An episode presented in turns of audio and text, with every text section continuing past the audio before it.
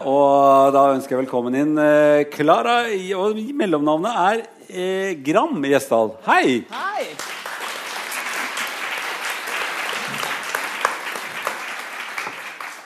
Vann? Ja, det kan vel være like godt som noe annet. Ja. Å ja. Akkurat nå. Ja, ja, ja. Du er litt sånn, du snakker nesten som en komikervenninne av meg. Er det noe fyr i peisen? Ja, hun ville sagt hun ville sagt jeg ikke kom her for å dusje. Ja. Det ville hun sagt.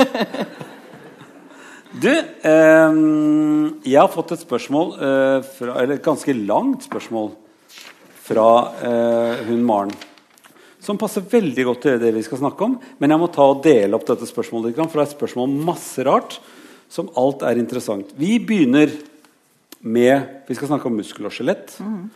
Vi skal ikke bare snakke om alt det som er vanskelig med muskel og skjelett. Vi skal snakke om det som er gøy med muskel og skjelett. Muskel og skjelett kommer jo fra Og da begynner jeg tidlig i barndommen vår, altså når vi er tre celler Ja. omtrent. Så deler det seg i eh, de cellene som er ytterst, som blir til eksoderm. De i midten som er mesoderm, og de innerst som er endoderm. Dette er en del av vår barnekunnskap som eh, medisinstudenter. Og det som er mesoderm, det i midten, det er det som blir til muskler, skjelett og litt av hvert annet. Ja. Mye støtteceller og, og, og, og blodceller og Blodceller sånt. og ting. Så um, det er alt dette midt imellom tingene. Og der har vi også nerveceller. Men det har vi ikke så mye i endodermen, altså det som er helt innerst. Så vi kan ikke kjenne noe særlig der. Nei. Så her er det vi kjenner ting. Vi kjenner også vondter som vi ikke akkurat kan peke på hvor er. Eh, og så hadde jeg litt lyst til å eh, fortelle en ting til som er sånn fint å kunne. Og det er Man tenker all Vi kunne jo vært planter. Vi kunne altså rett og slett stått stille. Ja. Hvis vi ikke hadde hatt denne lille energibriketten som sirkulerer rundt i kroppen vår som er, altså Kroppen har organisert seg med noen bitte små ladbare batterier som bare flyter rundt hele tiden, som er sånne energibriketter. Lades, lades ut. Og når de lades ut, så brukes den energien til å gjøre noen ting. Bl.a. trekke i muskelfibrene. Var ikke det veldig godt sagt? For det at det folk lurer på De sier det blir til energi. Ja, ja, blir til energi. Hvordan da? Men de kan fraktes rundt, disse batteriene, og være ladbare. Og så kan det lades ut. Det hadde jeg lyst til å, å begynne prekenen med i dag. Ja. Eh, Godt å kjenne at vi kan bli ladet opp igjen. da. ja, ikke sant? Det synes jeg var litt For de er ladbare absolutt hele tiden. Ja, det kan man godt bruke, det bildet. At man er ladbar. Men så har vi dette her eh, som ligner mer på plantene og trærne, altså skjelettet innerst. ja. For det er jo Det er jo stativ. Det er jo ikke det. Det er det det ikke er. vet du. Hva vil du si der? Nei, for det at Vi tenker kanskje at eh, skjelettet det har vi liksom fått, og så vokser det til en viss størrelse. Og så er det det vi har, og så blir liggende igjen i jorden når vi lengst da, eh, når vi er døde. Men det er jo sånn at skjelettet eh, om, omarbeides hele tiden. Så når vi sitter her nå, så er det kolossalt mange celler på overflaten av skjelettet ditt som driver og tar vekk bein. Og så er det andre celler som kommer og legger på beinbiter der hvor de har tatt vekk bein. Sånn at når vi treffes igjen om syv år, det er omtrent hvert syvende år vi treffes, tror jeg, da, har du, da kommer vi med nye skjeletter. Så da kan vi hilse på hverandre igjen og si at vi stiller med nytt skjelett i dag. ikke det litt gøy? Nå skjønner jeg hvorfor jeg ikke kjente deg igjen. Jeg har fått nytt skjelett. Ja, du ser. Ja, ja, ja. Det er stilig. Og da er det også sånn at Gud, du kler det nye skjelettet! Og da er det også sånn at, eh, at vi kan eh, bygge det skjelettet litt sånn som vi trenger det. Sant? Så hvis du, hvis du hadde blitt liggende i sengen Ja. Det, var ikke, det var, har ingenting med det å gjøre. Eller vært i, verden, vært i, vært i verdensrommet. Ja, for eksempel. Helt vektløs. Sånn, så hadde du hatt lite skjelett igjen. Kanskje litt, sånn, litt mer sånn glassmanetaktig hele du. Eh, For det, da trenger du ikke skjelettet. Altså, vi må bruke det for at det skal styrkes. Sånn at all, all sånn vektbærende aktivitet hvor vi er oppe og belaster skjelettet, det, det bygger skjelettet. Har, har, har noen nevnt det for de som skal dra til Mars? Ja. At det er ikke så lurt? Jo, det jo, de har vel, altså de har forsøkt med forskjellige medisiner for å få de til å eller trykke de ned i stolen og, og klemme de sammen uti der for Ja. at, at, at skjelettet skal få stimuli. Da. Men det er, de mister eh, 40, opptil 40-50% av skjelettet sitt og må, blir beinskjøre. Altså unge, sterke menn der blir beinskjøre. De som er sånn, sånn i disse her eh, tingene som svever rundt ja, ikke jorden? Ja, men Jeg vet ikke hvor lenge du må være vekke for å miste mye, men det er et problem blant romfarere at de blir beinskjøre. Ja. Eh, eh, så, så, så dette her er en konstant nedbryting og en konstant oppbygging. Ja. Og det justeres lite grann altså, er, men, men ser ikke skjelettet mitt Har det ikke samme form og størrelse og lengde hele tiden likevel? Jo, du har jo noen gener som styrer deg der òg, vet du. Sant? Så du jo, har jo fått din form. Ja. Det er helt korrekt, vennen min. Men, men for, blant annet så lurer jeg på hvorfor eh, En ting er at du er mye høyere enn meg, har jeg følelsen av akkurat nå. Men eh, andre mennesker kan man jo lure på hvorfor blir de noen så høye. Er det, hva er det på kroppen som blir høyt? Er det et spesielt ben?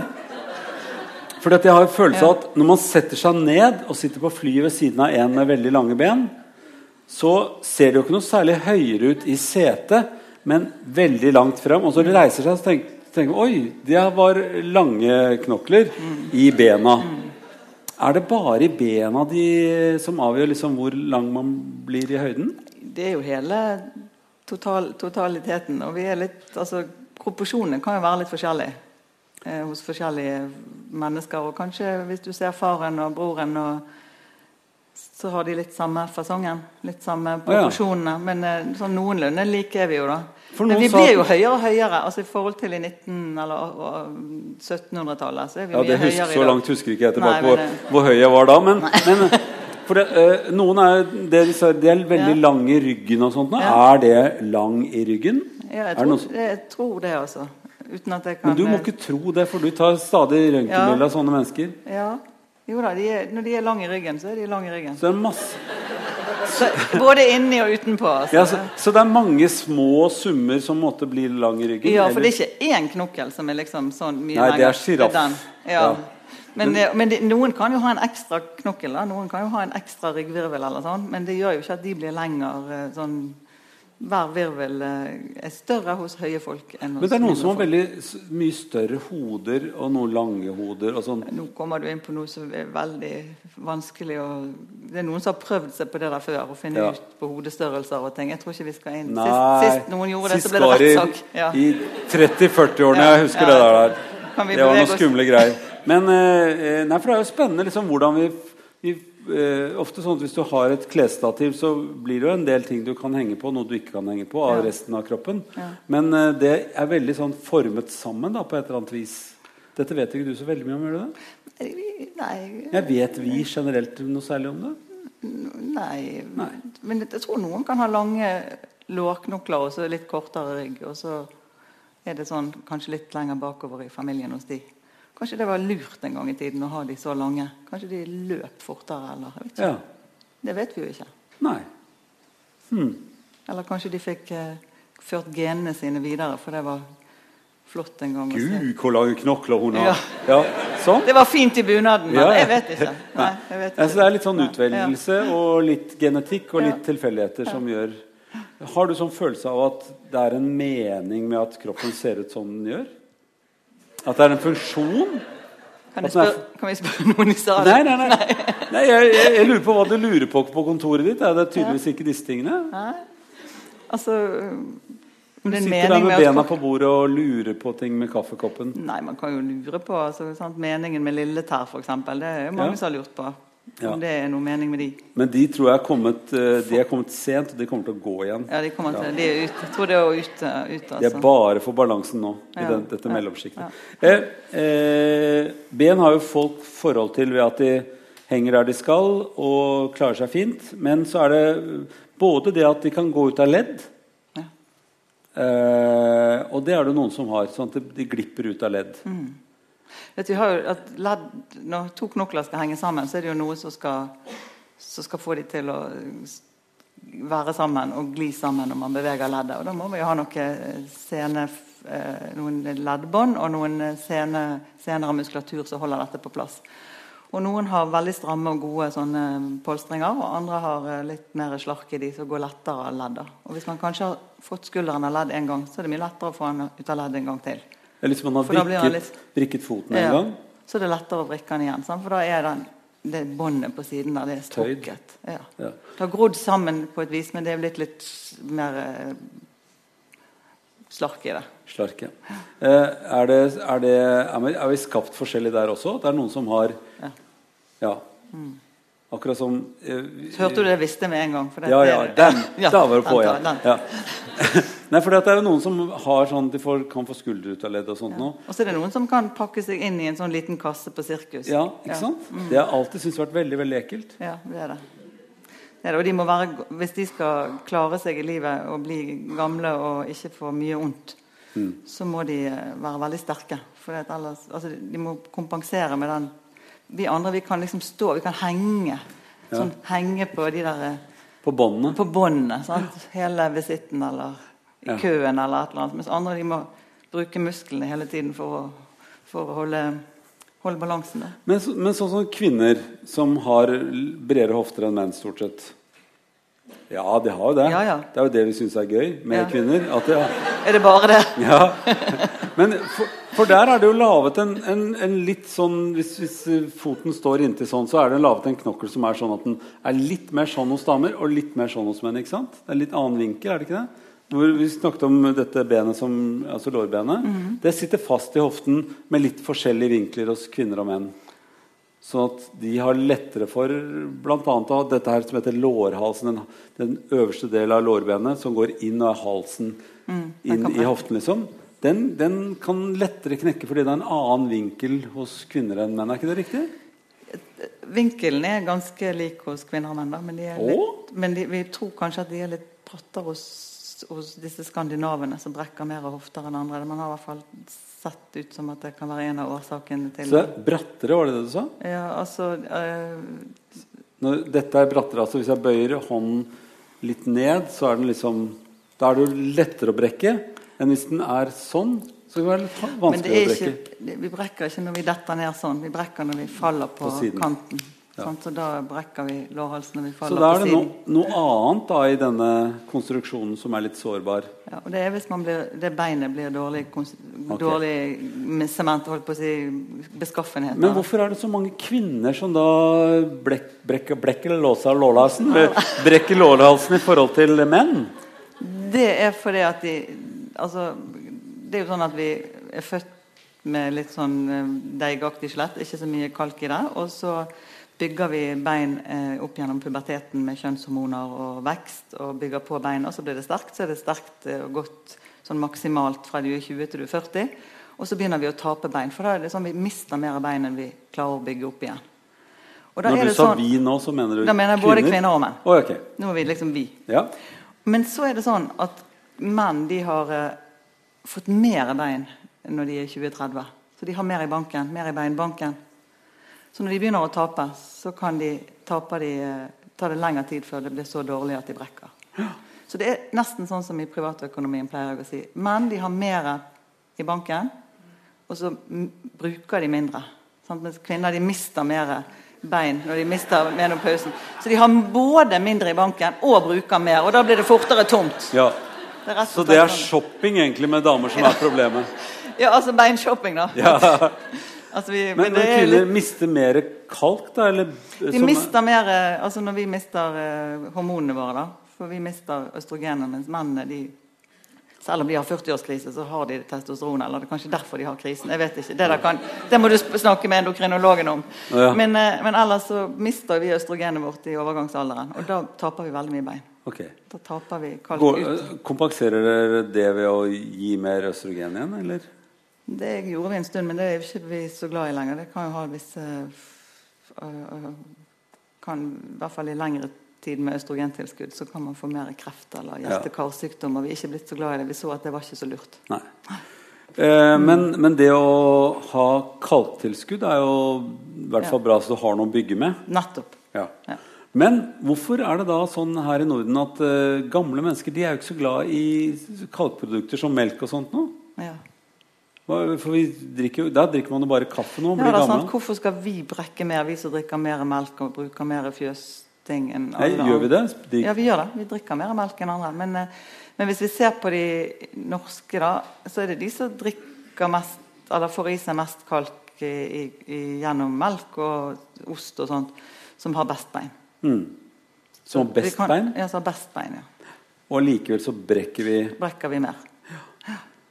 Så skal vi skylde på gulvet, syns du? Som så man faller Ja, vi er, på? det er noen som har lurt på om det er fordi vi er høyere at vi faller lenger ned. Ja. Så der har jo du en du syns du Altså, jeg kommer ikke til å brekke Så Men jeg kommer tror ikke det er hele sannheten. altså. Så er det noe med vinkelen på hoftene våre, kanskje. Og så Ja. tror jeg at det er noe med genetikken. Vi har. Vi, det, vi, det vi så, det var at de nordmennene som flyttet ut til USA, de som fortsatt har vært litt er litt norske gener i deler av USA, de har høyere hoftebruddsfrekvens. Ja. frekvens. Så er vi har tatt med oss det til uh, Ameriken, altså. Så er det noen gener. Antagelig. Eh, men hva gjør man for å kompensere på det, på det i alderdommen? Det aller Eh, viktigste tidlig, da, vi må begynne tidlig. sant? Vi må få ungene de må ut og løpe og klatre i trær og være fysisk aktive så de bygger bein, så de har masse i banken. For det er kjempeviktig. Uh, og så må man være så aktiv man klarer i livet sitt å bruke kroppen og skjelettet. Og så kanskje, Hvis ikke man er flink til å drikke melk og spise ost og syns at det er en dum ting i kostholdet og helst vil holde seg uten det, så kan man kanskje ta tilskudd. Men ellers er det jo best å få det gjennom kosten. Ja, men man, bør, man, må, man må ikke bare drikke melk. Det er jo andre ting som inneholder Ja. kalk også. For dette er noe eh, vi har fått spørsmål om. Altså, Ja. um, vi, vi drikker jo mye melk. Hvorfor er det forresten kalk i melken når bare hesten spiser Nei, hest, når, når kua spiser mest grønt? Da måtte jeg også Ja. gjøre litt sånn Ja, eh, også, Men du fikk spørsmålet litt før meg. Også. Ja, ja, så jeg slo, jeg slo opp litt. Det er jo ikke bare kalk der i, i det som plantene har. vet du. Det er kalsium som er kalk. da. Eh, Og svovel og kalium og fosfor og magnesium. Alle de sporstoffene er det i grøntfôr fordi at det trenger plantene til forskjellige deler. For å fange solenergi, for å lage blomster, for å modne frukt, for å bygge klorofyll f.eks. Så det er jo mye sporstoffer i grønt. Og faktisk mye kalk også. Og derfor kalker man jo gress om våren til og med. Bare for å, det er jo liksom for å få ned syren, da. Men det er også, det, det er for, da er det tilgjengelig for plantene. Så at, eh, det er ikke bare melk. Man, man kan godt spise grønt også, for det er mye kalk i grønnsaker. Ja, noe. Det visste ikke jeg så veldig mye om. merker jeg. Du er spiser mye mer. da, vet du at Kuen spiser veldig mye, og så konsentrerer den det i melken. Ja. Så du må spise mye grønt for å få nok hvis du skulle bare få kalk fra det. Ja, men du sier jo noe annet. For at, eh, i, som jeg, når vi snakket om forrige gang, så snakket vi også om tilskudd. Ja. For at i, i vår, de som vi får som kostholdsråd, så er det at man ikke behøver å spise så mye tilskudd. Man kan heller spise den maten som originalt inneholder disse stoffene. Eh, og det er jo altså D-vitamin eh, er jo noen ting som folk trenger fordi det er litt mørkt her. Og man trenger stimulering av sol for å få D-vitamin til å funke på alle de stedene det skal i kroppen. Blant annet på å holde på kalsium eller fordele det og sånt. Eh, eh, hvorfor syns du da, til og med vi som da ikke får i oss nok kalk eller på den riktige måten og ikke nok D-vitamin, ikke skal ha tilskudd? Jo, jeg sier man kan ha tilskudd, men det beste er Jeg tror, alt, eller jeg, ja, jeg tror at vi, hvis vi får kalsiumen gjennom ost, melk, grønt, bønner og vitamin D gjennom eh, feit fisk eh, og, og, og det naturlige, så suger vi det bedre opp. Vi gjør oss bedre nytte av det enn å få en sånn klump, sånn krittklump som du spiser, og så ikke alltid, jeg vet, jeg vet ikke om alt kommer ut. Vi, det er i hvert fall gjort uh, sett på det at vi nyttiggjør oss bedre når det er i, i det naturlige stoff, stoffet som vi spiser. Og så, kan vi beskytte oss litt mer mot overdosering. Ja. Det blir så lett hvis vi, skal, hvis vi begynner å spise masse forskjellige tilskudd, så kan vi rett og slett få for mye av noe. Ja, så Folk vet kanskje egentlig ikke hvor mye de trenger av den, det tilskuddet de får. Nei. Jeg mener jo at det er veldig dyr avføring, stort sett. Mm. Eh, man kjøper ting, putter i seg og bæsjer ut igjen. Ja. eh, og har en regning i hånden på Ja. hva det kostet. Men egentlig gjøre andre gøye ting for de pengene. Sant? Ja, eller man kan nyte mat på en Mm. annen måte enn å spille, spise bare en pille. Eh, og da får man jo får også kroppen det mer tilgjengelig på en eller annen Mm, måte på den vanlige måten. Ja, Det blir mer tilgjengelig, for kroppen er skapt til å suge det opp i det Smådoser. Ja, i det, ja og i, gjerne i det fiskeproteinet, eller sånn som den D-vitamin vanligvis kommer, istedenfor at den skal komme sammenblandet med en krittklump. Men så er det også noen som sier at mye av den maten som er bearbeidet, eh, har mistet en del av de opprinnelige næringene. Du har drevet med noe forskning, eller ledet i hvert fall et forskningsprosjekt om, om, eh, om, om omegasyrer, altså sånne gode fettsyrer, og D-vitaminer og sånne ting i, i lakseoppdrett. Ja. Hva? Var det ikke det? ja, vi prøvde å, Ja. å få laks til å inneholde mer D-vitamin enn det vanligvis gjør ved at man tilførte laksen litt ekstra D-vitamin i fôret. Eh, Og det var veldig effektivt, og vel så effektivt som å spise tilskudd. Og da fikk du jo det tillegget av omega-3 som ikke der er i et vanlig D-vitamin kalsiumtablett. Men er, det, er dette sånn fisk som man kan få tak i? Eh, ikke per i dag. Ikke per i dag? Ikke per i dag, Den er vel ikke foredlet frem, men det er gjort det er forsøk som gjøres på en Men de sier jo at de gir jo så mye rart til disse fiskene som vi gjerne skal Ja. spise, de fete fiskene eh, og oppdrettsfiskene. Så gir de jo annen fisk som næring, og, og så gir de ting fra landbruket som ikke trenger landbruket som næring. Altså Fisk kan jo sikkert spise veldig mye rart i pellets, Ja. men øh, øh, nyttiggjør det seg på samme måte? Blir, blir det den fisken vi kan fange til vanlig? Er det, er det en rar fisk vi opp, dretter opp? At, vi spi, at, at, at den er rar for oss å spise, tenker Ja. du på? At uh, At den er blitt litt mindre, litt mindre fisk Litt mindre fisk og litt mer uh, og litt mer grønnsak? skog. Ehm, det vet jeg ikke helt sikkert om jeg kan si noen ting om. Nei, hjelp meg, Du bør ikke, du bør ikke vite noe eh, om alt. Det var ikke det jeg mente. Men jeg eh, de, Ja, nei da. Nei, men altså, det går an å påvirke fisk, hva fisken skal inneholde i filet, fiskefileten med hva man fôrer den med, men da må man selvfølgelig se at det blir det andre er fiskeprotein. Og det blir det jo, for fisken kan ikke lage noe annet Han kan ikke plutselig begynne å bygge noe helt nytt. Men den kan ha andre vitaminer eller sporstoffer i seg, avhengig av hva den fisken har spist. Men kjøttet er fiskekjøtt, for den kan ikke lage noe annet. Men det har mer eller mindre av disse tingene som Ja. vi trenger. Mm. Mm. Bør man, det høres ut som man bør spise litt av hvert. Det tror jeg. Og jeg tror det er det vi vanligvis gjør. Ja. på en måte.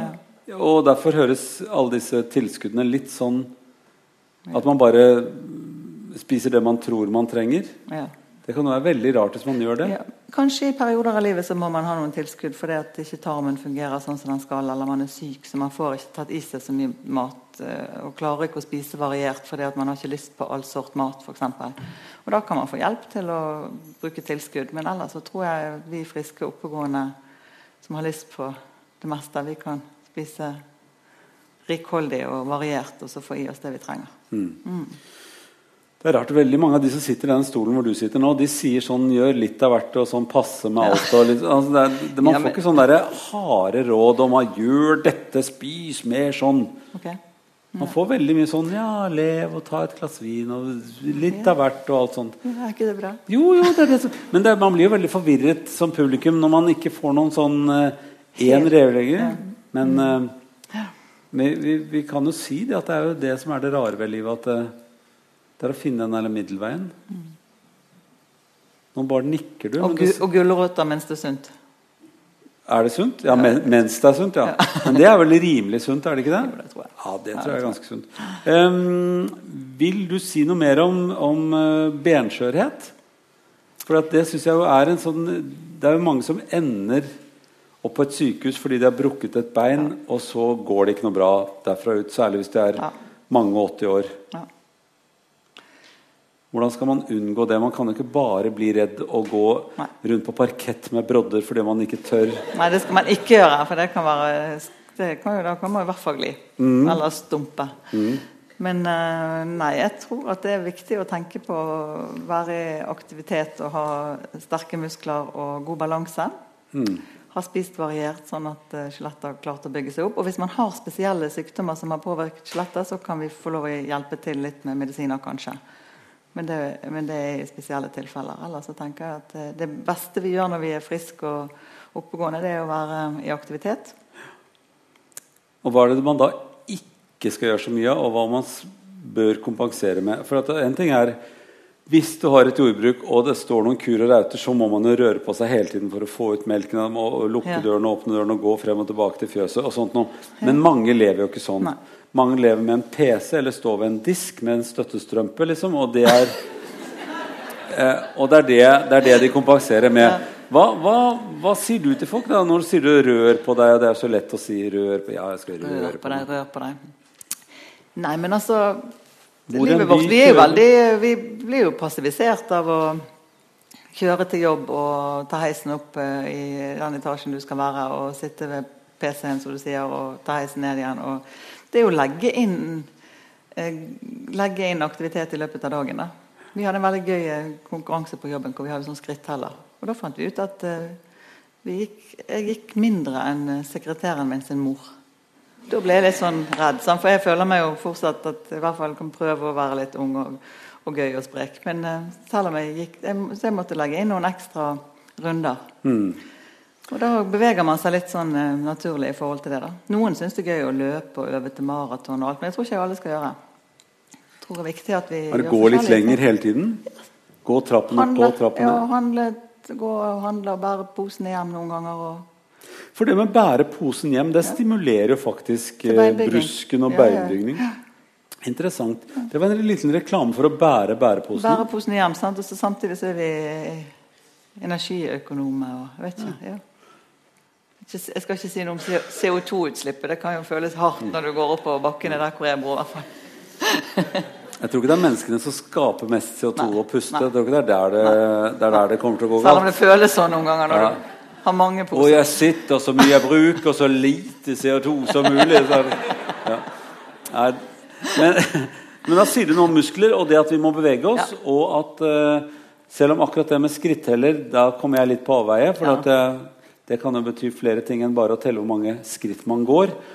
Eh, hvis du kommer opp i 1000, så skjønner du at det har med Ja, det har det med, med, med skrittene du går hvis det klikker helt i 1000. Men eh, ai, ai, det var et vanskelig resonnement. Eh, eh, med Altså, musklene eh, trenger også å røre på seg, men ikke, ikke kanskje eh, så fysisk som, som, man tenker på at det er noe som det rives ned hele tiden og bygges opp igjen hele tiden. Men man tror liksom Når man trener og, og, blir litt støl, så tenker man ja, det er treningsstølhet. Men mange vet ikke hva det er. Altså trening, hva, Si du hva treningsstølhet er. Trenings, da har vi jo hoppet opp litt sånn, har brukt uh, litt uh, ekstra av uh, brennstoffene. Så vi har ikke klart å forbrenne totalt. Vi har, vi, har så, vi, har, så, bråttom. Vi har så lite Vi har ikke nok oksygen ja.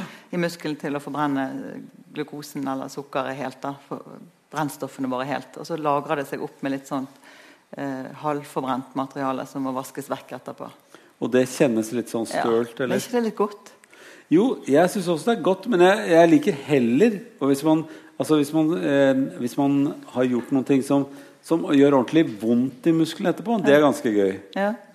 Fordi at da vet jeg jo at det er revet i stykker noen muskelfibre.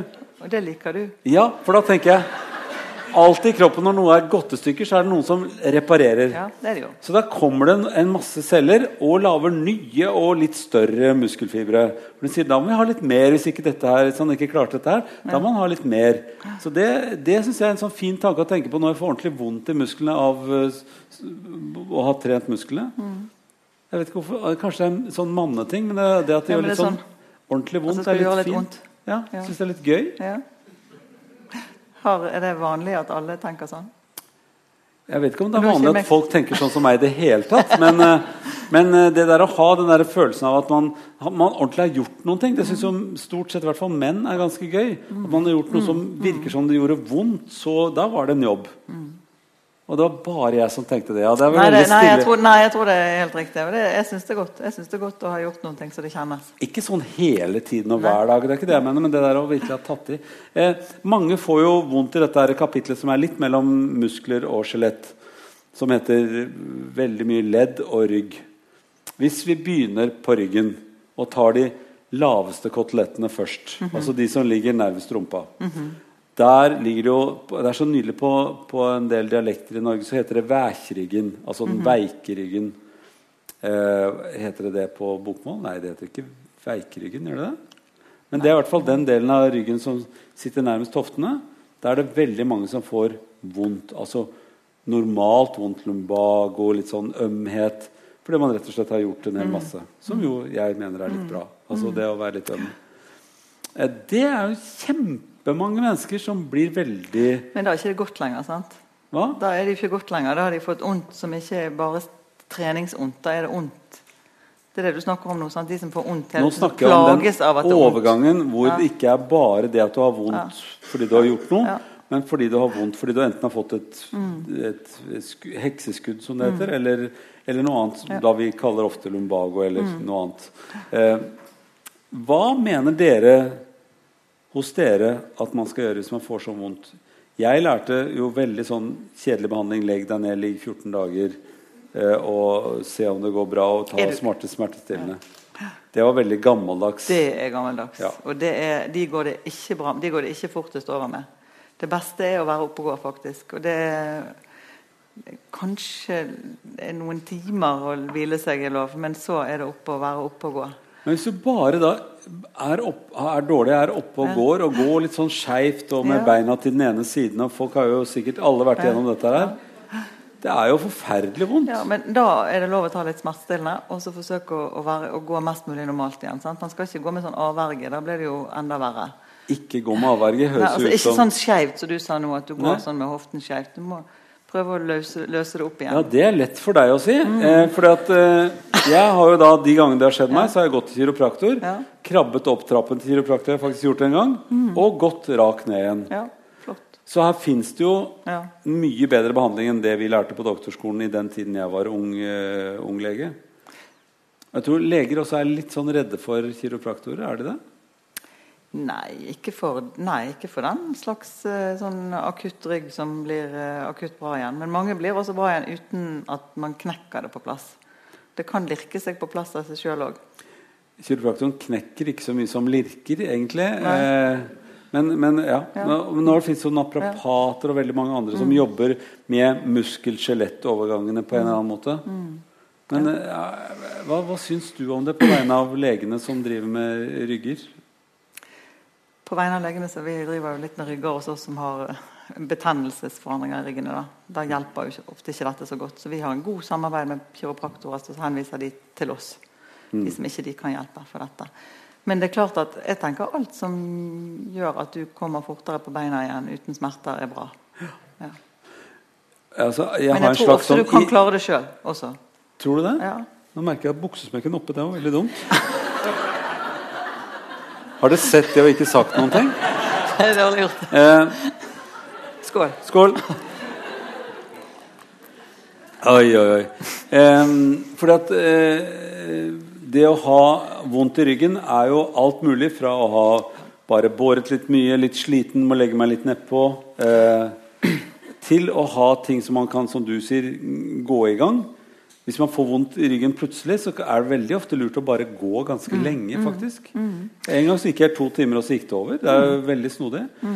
Eller så er det liksom ting som kan knikkes litt på plass, lirkes litt på plass, eh, masseres litt på plass. Men så får du noen sånn skiveutglidninger og sånt som vi må si litt om hva Ja. er for noen ting. Ja. For at mellom disse kotelettene så er det litt Det er sånn mellomvirvelskive. Litt sånn gelépute i ryggen. i ryggen mellom, mellom selve virvlene. For den skal jo være gelé. Den skal være gelé, og den skal være blaut innerst og litt sånn fast på utsiden. Og av og til så kommer det blaute ut som en sånn Ja. eh, gjennom den eh, faste ringen utenpå. Og da den, kan den ligge og trykke på en nerve. Ja. Da kan man få det som heter ischias. sant? At det trykker på ischiasnerven og gjør vondt ned i foten.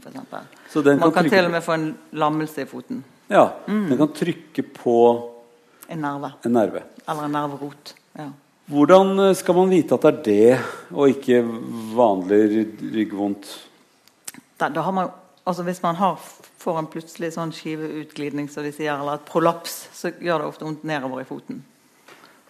Man kjenner det nedover Kjenner i foten. At man, vondt ned, ikke bare i ryggen, men kanskje langt ned i leggen. Kanskje helt ned i tærne. ja. Ja. Og da eh, kan det henge sammen med en sånn trykk på nerven.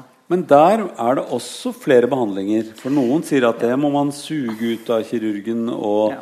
Unnskyld, ikke suge ut av kirurgen, men kirurgen må suge det ut. Ja. Eller få det vekk. Ja. Og så er det noen som sier det er bedre å være litt konservativ og ta det litt rolig. Altså trene, trene disse som du sier, sterke Ja. muskler rundt. Ja, sant? Vi vil, hvis vi vet at noe er galt, så vil vi gjerne få reparert det med en gang.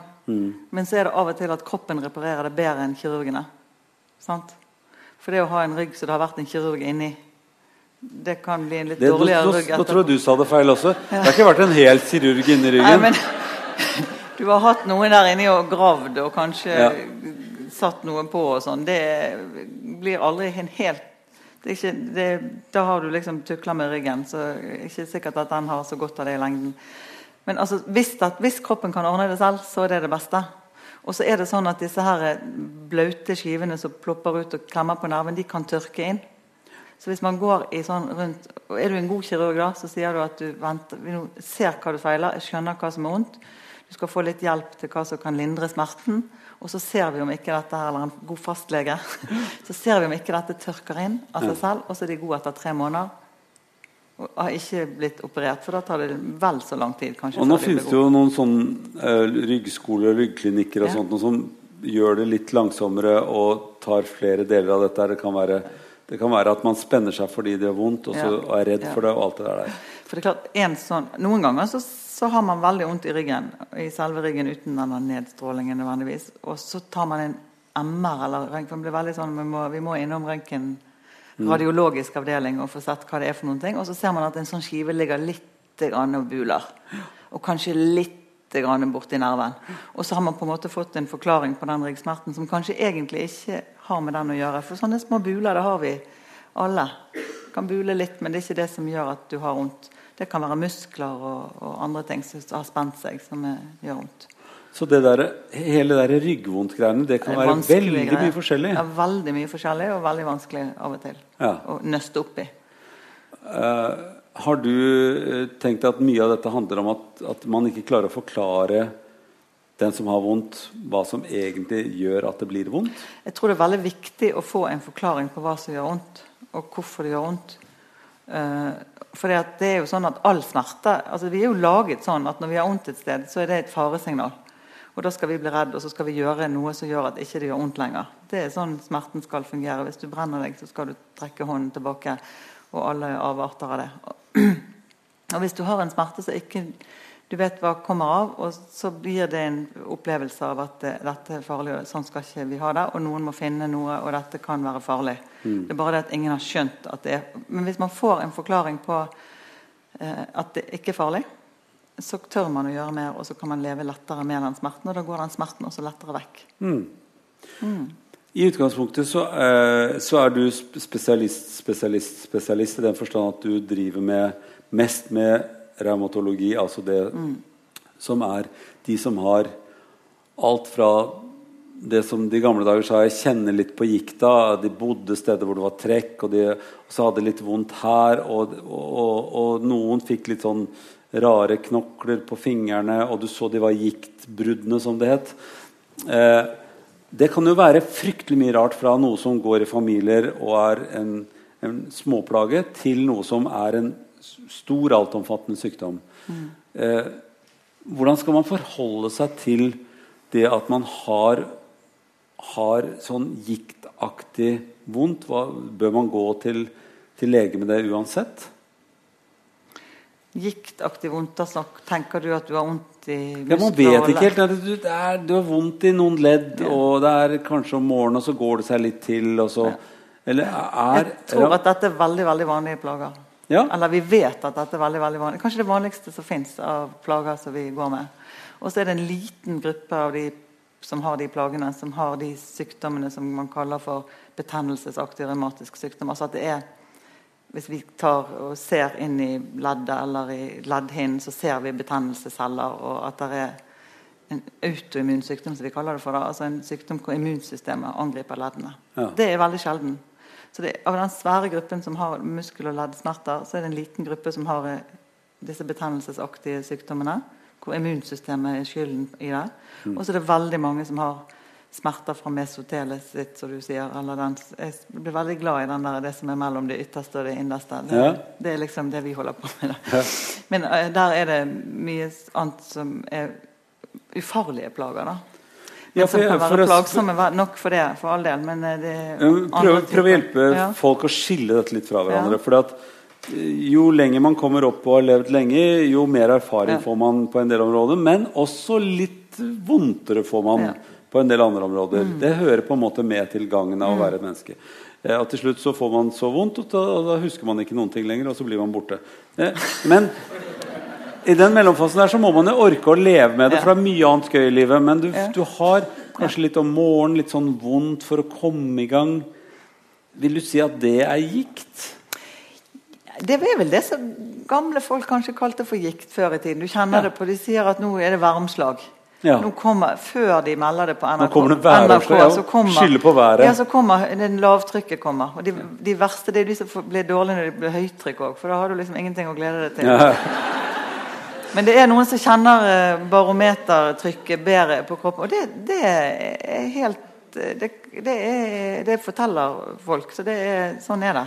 ja. Men det eh, trenger ikke bety at det er leddgikt eller den typen av de eh, rare, sjeldne Så det er noen ting som rett og slett kan være Ja, ja, sånn er det å være menneske.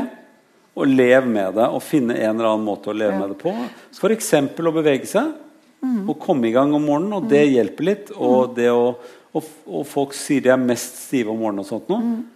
Så noe av, noe av det må folk rett og slett bare finne seg i at det Blir det for ille og man lurer på vil snakke med fastlegen sin litt om det, så skal man snakke med en sånn god fastlege som dere har her. Ja okay. Og så, så kan han også gi noen gode råd. For det fins jo Noe må man eh, leve med, og noe er det lettere å leve med hvis man får eh, får vite hva det ikke er for noen ting. At det ikke er noe farlig. Og at det er ikke leddgikt. For å, for å hoppe helt dit Ja. og si, det, det er Den ene siden var at jeg føler meg litt sånn Ja. uggen om morgenen. Til eh, de som da har faktisk så vondt at du må, må ikke, au, ikke ta på det Ja, leddet. ja. Eh, og så kommer det et annet ledd også. Ja. Eh, og så lurer de på om de har gikt. Ja. Eller har eh, Ja. Ja. reuma... Ja. Unnskyld, mener hva? Leddgikt. Ja, leddgikt. Ja. Eh, eh, fordi at du er reumatolog, så tenkte jeg det skulle hete litt finere enn leddgikt. Men altså det, det, Da har de en autoimmun betennelsessykdom, og det må du finne ut av. Eller noen må finne ut av. Ja. Kan man ta en prøve som viser at man har Man kan ta en prøve som kan underbygge at det er det det er, men det er, man må se på helheten. Man må se på hele på, på hvordan leddene ser ut, og man kan se på blodprøver, og man kan se med ultralyd og finne ut om dette er en sånn autoimmun sykdom eller ikke. Og dette er det både unge og, og eldre som kan ha debut av. Det kan komme Alle aldre. Alle aldre. i alle aldre. Kan få det før du lærer å gå. Oh, ja. Selv barn kan få dette her. Så små barn også. Og i gamle dager så var det på en måte en veldig invalidiserende sykdom. Og nå, jeg, jeg tenker at i det faget her har det skjedd enormt mye de siste 20 årene. Kanskje mer enn veldig mange andre steder i medisinen. Og jeg liker jo å tenke på at jeg er ung og gøy ennå. Ja. Det er delte meninger om. Eh, Men, eh, men eh, når jeg begynte i revmatologi, så hadde vi all verdens tid når vi fant ut at noen hadde leddgikt, så kunne vi begynne med en medisin, og så kunne vi se om den hjalp. Og så kunne vi treffes igjen om et halvt år, og så hvis ikke den hjalp, så kunne vi begynne med en annen medisin. Og i mellomtiden så ble leddene ødelagt. mens vi prøvde ut medisiner. Og nå har vi fått mye bedre medisiner. Vi behandler mye kraftigere tidlig. Sånn at det å få leddgikt i dag er noe helt annet enn det å få leddgikt før. Fordi at du, du sa til meg du hadde hatt en pasient Ja. den dagen som ble så lei seg, for hun hadde oppdaget at datteren hadde arvet en sånn sykdom. Ja. for leddgiktspasienter som er, de har lært seg til å leve med denne sykdommen, de som er veldig ødelagt i leddene sine, da, har lært seg å, å leve med denne sykdommen og er veldig tapre mange. Eh, og hun har gått hos meg i mange år og aldri klaget, men en dag så klaget hun. For, eller da var hun lei seg. Da var hun faktisk gråt hun, for da hadde datteren fått leddgikt. Og det er klart at man har overført en det er jo en viss arvelig komponent i dette. Hun følte hun, nå hadde hun laget, nå var datteren, fikk hun et dårlig liv. Og Da kan jeg fortelle med hånden på hjertet at eh, jeg vet at hun, datteren din hun får et helt annet liv enn du fikk. For hun er, får i en tid hvor vi har medisiner som kan hjelpe, hjelpe henne. Så hun kan leve et helt normalt liv med denne sykdommen. fordi at vi har bedre medisiner enn vi hadde før. Og da er det kjekt å være doktor. Ja. Og, og du, du vet at hvis du bare får diagnostisert i tide, så kan denne sykdommen, som da, som da før var virkelig sånn Noen var, ble forkrøplet av det. Eh, det. De kan få helt fine ledd gjennom resten av livet. Det er fantastisk. Men vi må gjøre det før den betennelsen Han spiser på leddene. Liksom. Så det er det som gjør at de, får, at de blir skeive og skakke. Da, hvis, de, hvis de forstår denne sykdommen. Så de få, og hvor mange prosent tror du det er av, av, av de som kommer og tror de har leddgikt? Ja, hvis vi sier at det er en eh, ja, Det er ikke mer enn er under en prosent av de. Så det er, det er bare én av hundre omtrent som har denne sykdommen egentlig? Men Nei, det er en, det er en av, eh, en av Ja, som, som har den i Ja. ja, som, som tror at de har den, og så kanskje ikke har den. Ja. Eh, og de andre tingene er, er, er ting som ikke er farlig, som det går an å bare Leve finne med. en måte å leve med. Akkurat kan vi hjelpe hverandre litt. Sant? For dette, Ja. Nå kan du snakke om hva som hjalp deg når du syntes du var inne i en sånn periode hvor du var støl og stiv. Kanskje Ja. det hjalp å gå og bade i varmt vann. Kanskje det hjalp å gå på rundemann i all slags vær. Jeg vil nesten si at nesten alt hjelper, bare ikke å sitte stille. Det er sant. Ja. Det er helt sant. Det, der- da, da kom vi frem til et råd som faktisk gjelder uansett. Ikke sett stille. Nei. Har du vondt, gå det i gang.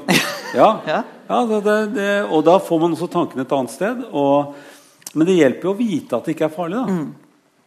Og der kan man av og til trenge litt hjelp.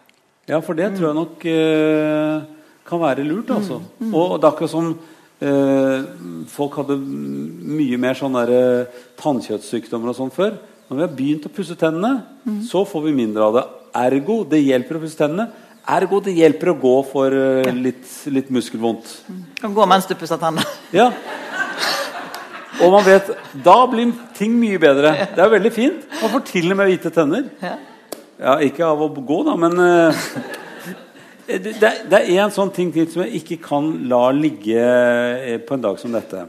Vi, vi må via av, av et, et, en ting som er kommet nå i det siste, som kalles for myalgisk encefalopati. Altså eh, egentlig kronisk utmattelsessyndrom. Mm. Altså folk som blir bare kjempeslitne, må ligge, får egentlig ikke, blir ikke noe bedre av å ligge. Må ligge, ikke tåler lys. Altså, hvor, det er akkurat som alle batteriene går ned, og at de ikke har noe energi igjen. Det vet man noe fryktelig lite om. Fryktelig Men de få som plages ekstremt av dette, blir jo veldig ofte fullstendig hjelpeløse fordi de ikke får noe hjelp. Hva gjør dere når dere får noen med, med det som vi kaller for ME? Jeg vet, Det er, det er liksom en litt sånn brannfakkelområde, dette her. Noen syns at man skal gi dem kjempemasse behandling. Noen sier at eh, ja, det, er, det, jeg Du kan gå på et torv og så få behandling, på en måte. Nei, jeg har ikke noe gode fasitsvar her, for dette er det faktisk ingen som har noe gode fasitsvar på. Men det som vi gjør hvis vi kommer hvis pasienter kommer til oss, da, så er det aller viktigste å utelukke at det er en av de sykdommene som heter noe annet, men som også kan gi trøtthet. Ja. Det gjør vi. Vi må ut- Vi må ut, for det er litt sånn utelukkelse. Sant? Når vi har laget en sykdom nå som vi har satt den ME-betegnelsen på, som ikke vi vet hva er, og som ikke har noe blodprøve vi kan ta altså Det er ikke noe røntgenbilde, ikke noe vi kan si at det er det. Det er bare et sett av symptomer. Så må vi jo utelukke litt at det er andre ting da, som vi kjenner i dag, som heter noe annet, og som det er en behandling for, og som vi vet hva er. Så det er en utelukkelsessykdom. Vi må ta vekk alle de andre tingene først og sjekke at ikke det er det. Og så sitter vi igjen med en sånn eh, litt uforklarlig tilstand som ikke er så lett å, å behandle, rett og slett. Og som jeg vil føle meg veldig mm, usikker på hvis jeg har en pasient med de plagene. Men nå- kan det tenkes at det, at det bare har fått en felles betegnelse, betegnelse men er veldig forskjellige det kan tenkes. Det har skjedd før når vi får navn på nye sykdommer. Det kan tenkes. Ja. Så det kan tenkes at de som da øh, het, øh, heter ME nå, eller fått Mm. den diagnosen, som er merkelig nok blitt en diagnose, selv om man ikke vet helt hva det er, at, at de egentlig har veldig forskjellige lidelser eller forskjellige Mm. sammensatte problemstillinger? Det som er viktig, da, det er jo at man forsøker å se litt på de som har den alvorlige formen for ME som vi har i dag. At de ses på av noen som kan se om de kan finne litt mer ut av det. da. For det er noe av dette som veldig, kan være eh, affeksjoner i kroppen.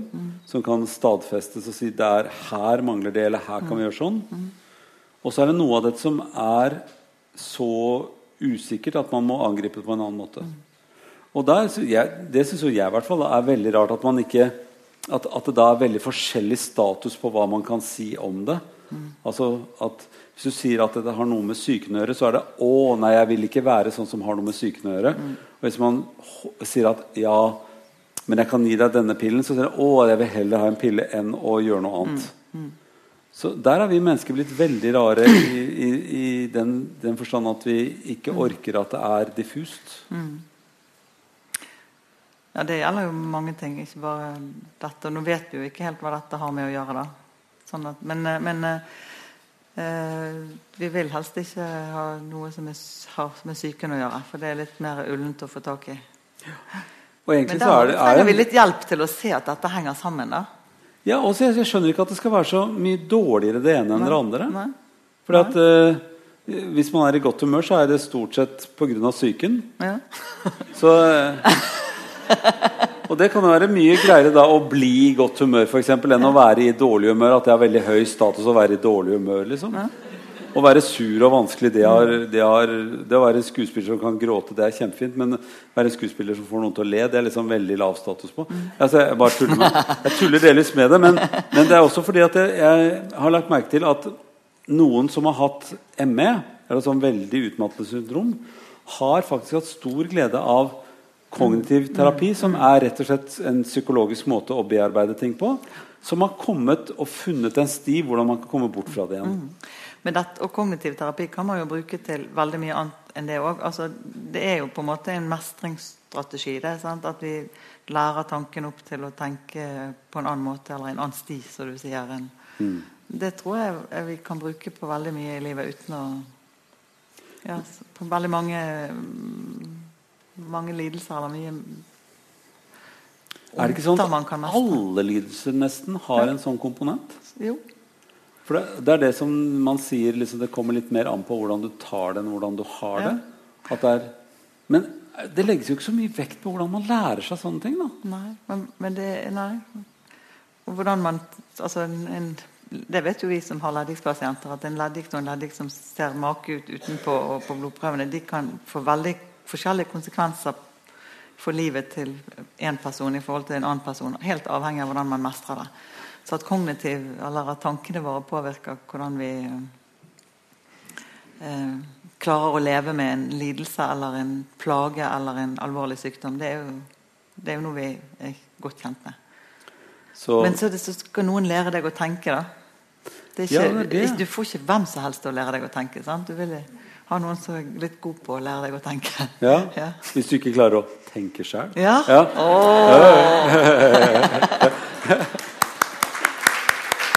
Ja, det, det, ja, det høres ut som jeg, eh, som jeg melket ut, men det var ikke det som var meningen. Meningen var rett og slett at, at noen ganger må man minne seg på at veldig mye av dette kan man finne ut av selv. Men man er nødt til å mobilisere en eller annen spesiell måte å tenke på. Hvis man ikke kan det, Så kan man så kan man lære det. Det rett og slett Man kan lære det, øve på det, og så kanskje altså til og med bli kvitt en sykdom som ville vært veldig alvorlig hvis man ikke hadde gjort noe med den. Men man kan lære seg å leve med den. Og da høres det ut som den ikke går over, men gjør jo det hvis du får et bedre liv. Ja. Nå ble jeg tankefull. Ja. Eh, det pleier å være en fin, eh, en fin avslutning, at man blir tankefull. Ja. Så jeg har lyst til å slutte her og takke for at dere kom. Og spesielt takk for at du satt her og snakket med meg. Og så ses vi igjen plutselig. Og da var det, skal vi snakke om hormonene neste gang vi møtes her. Men det er ikke deg som skal sitte i stolen da. Men tusen takk for at dere kom. Tusen takk for.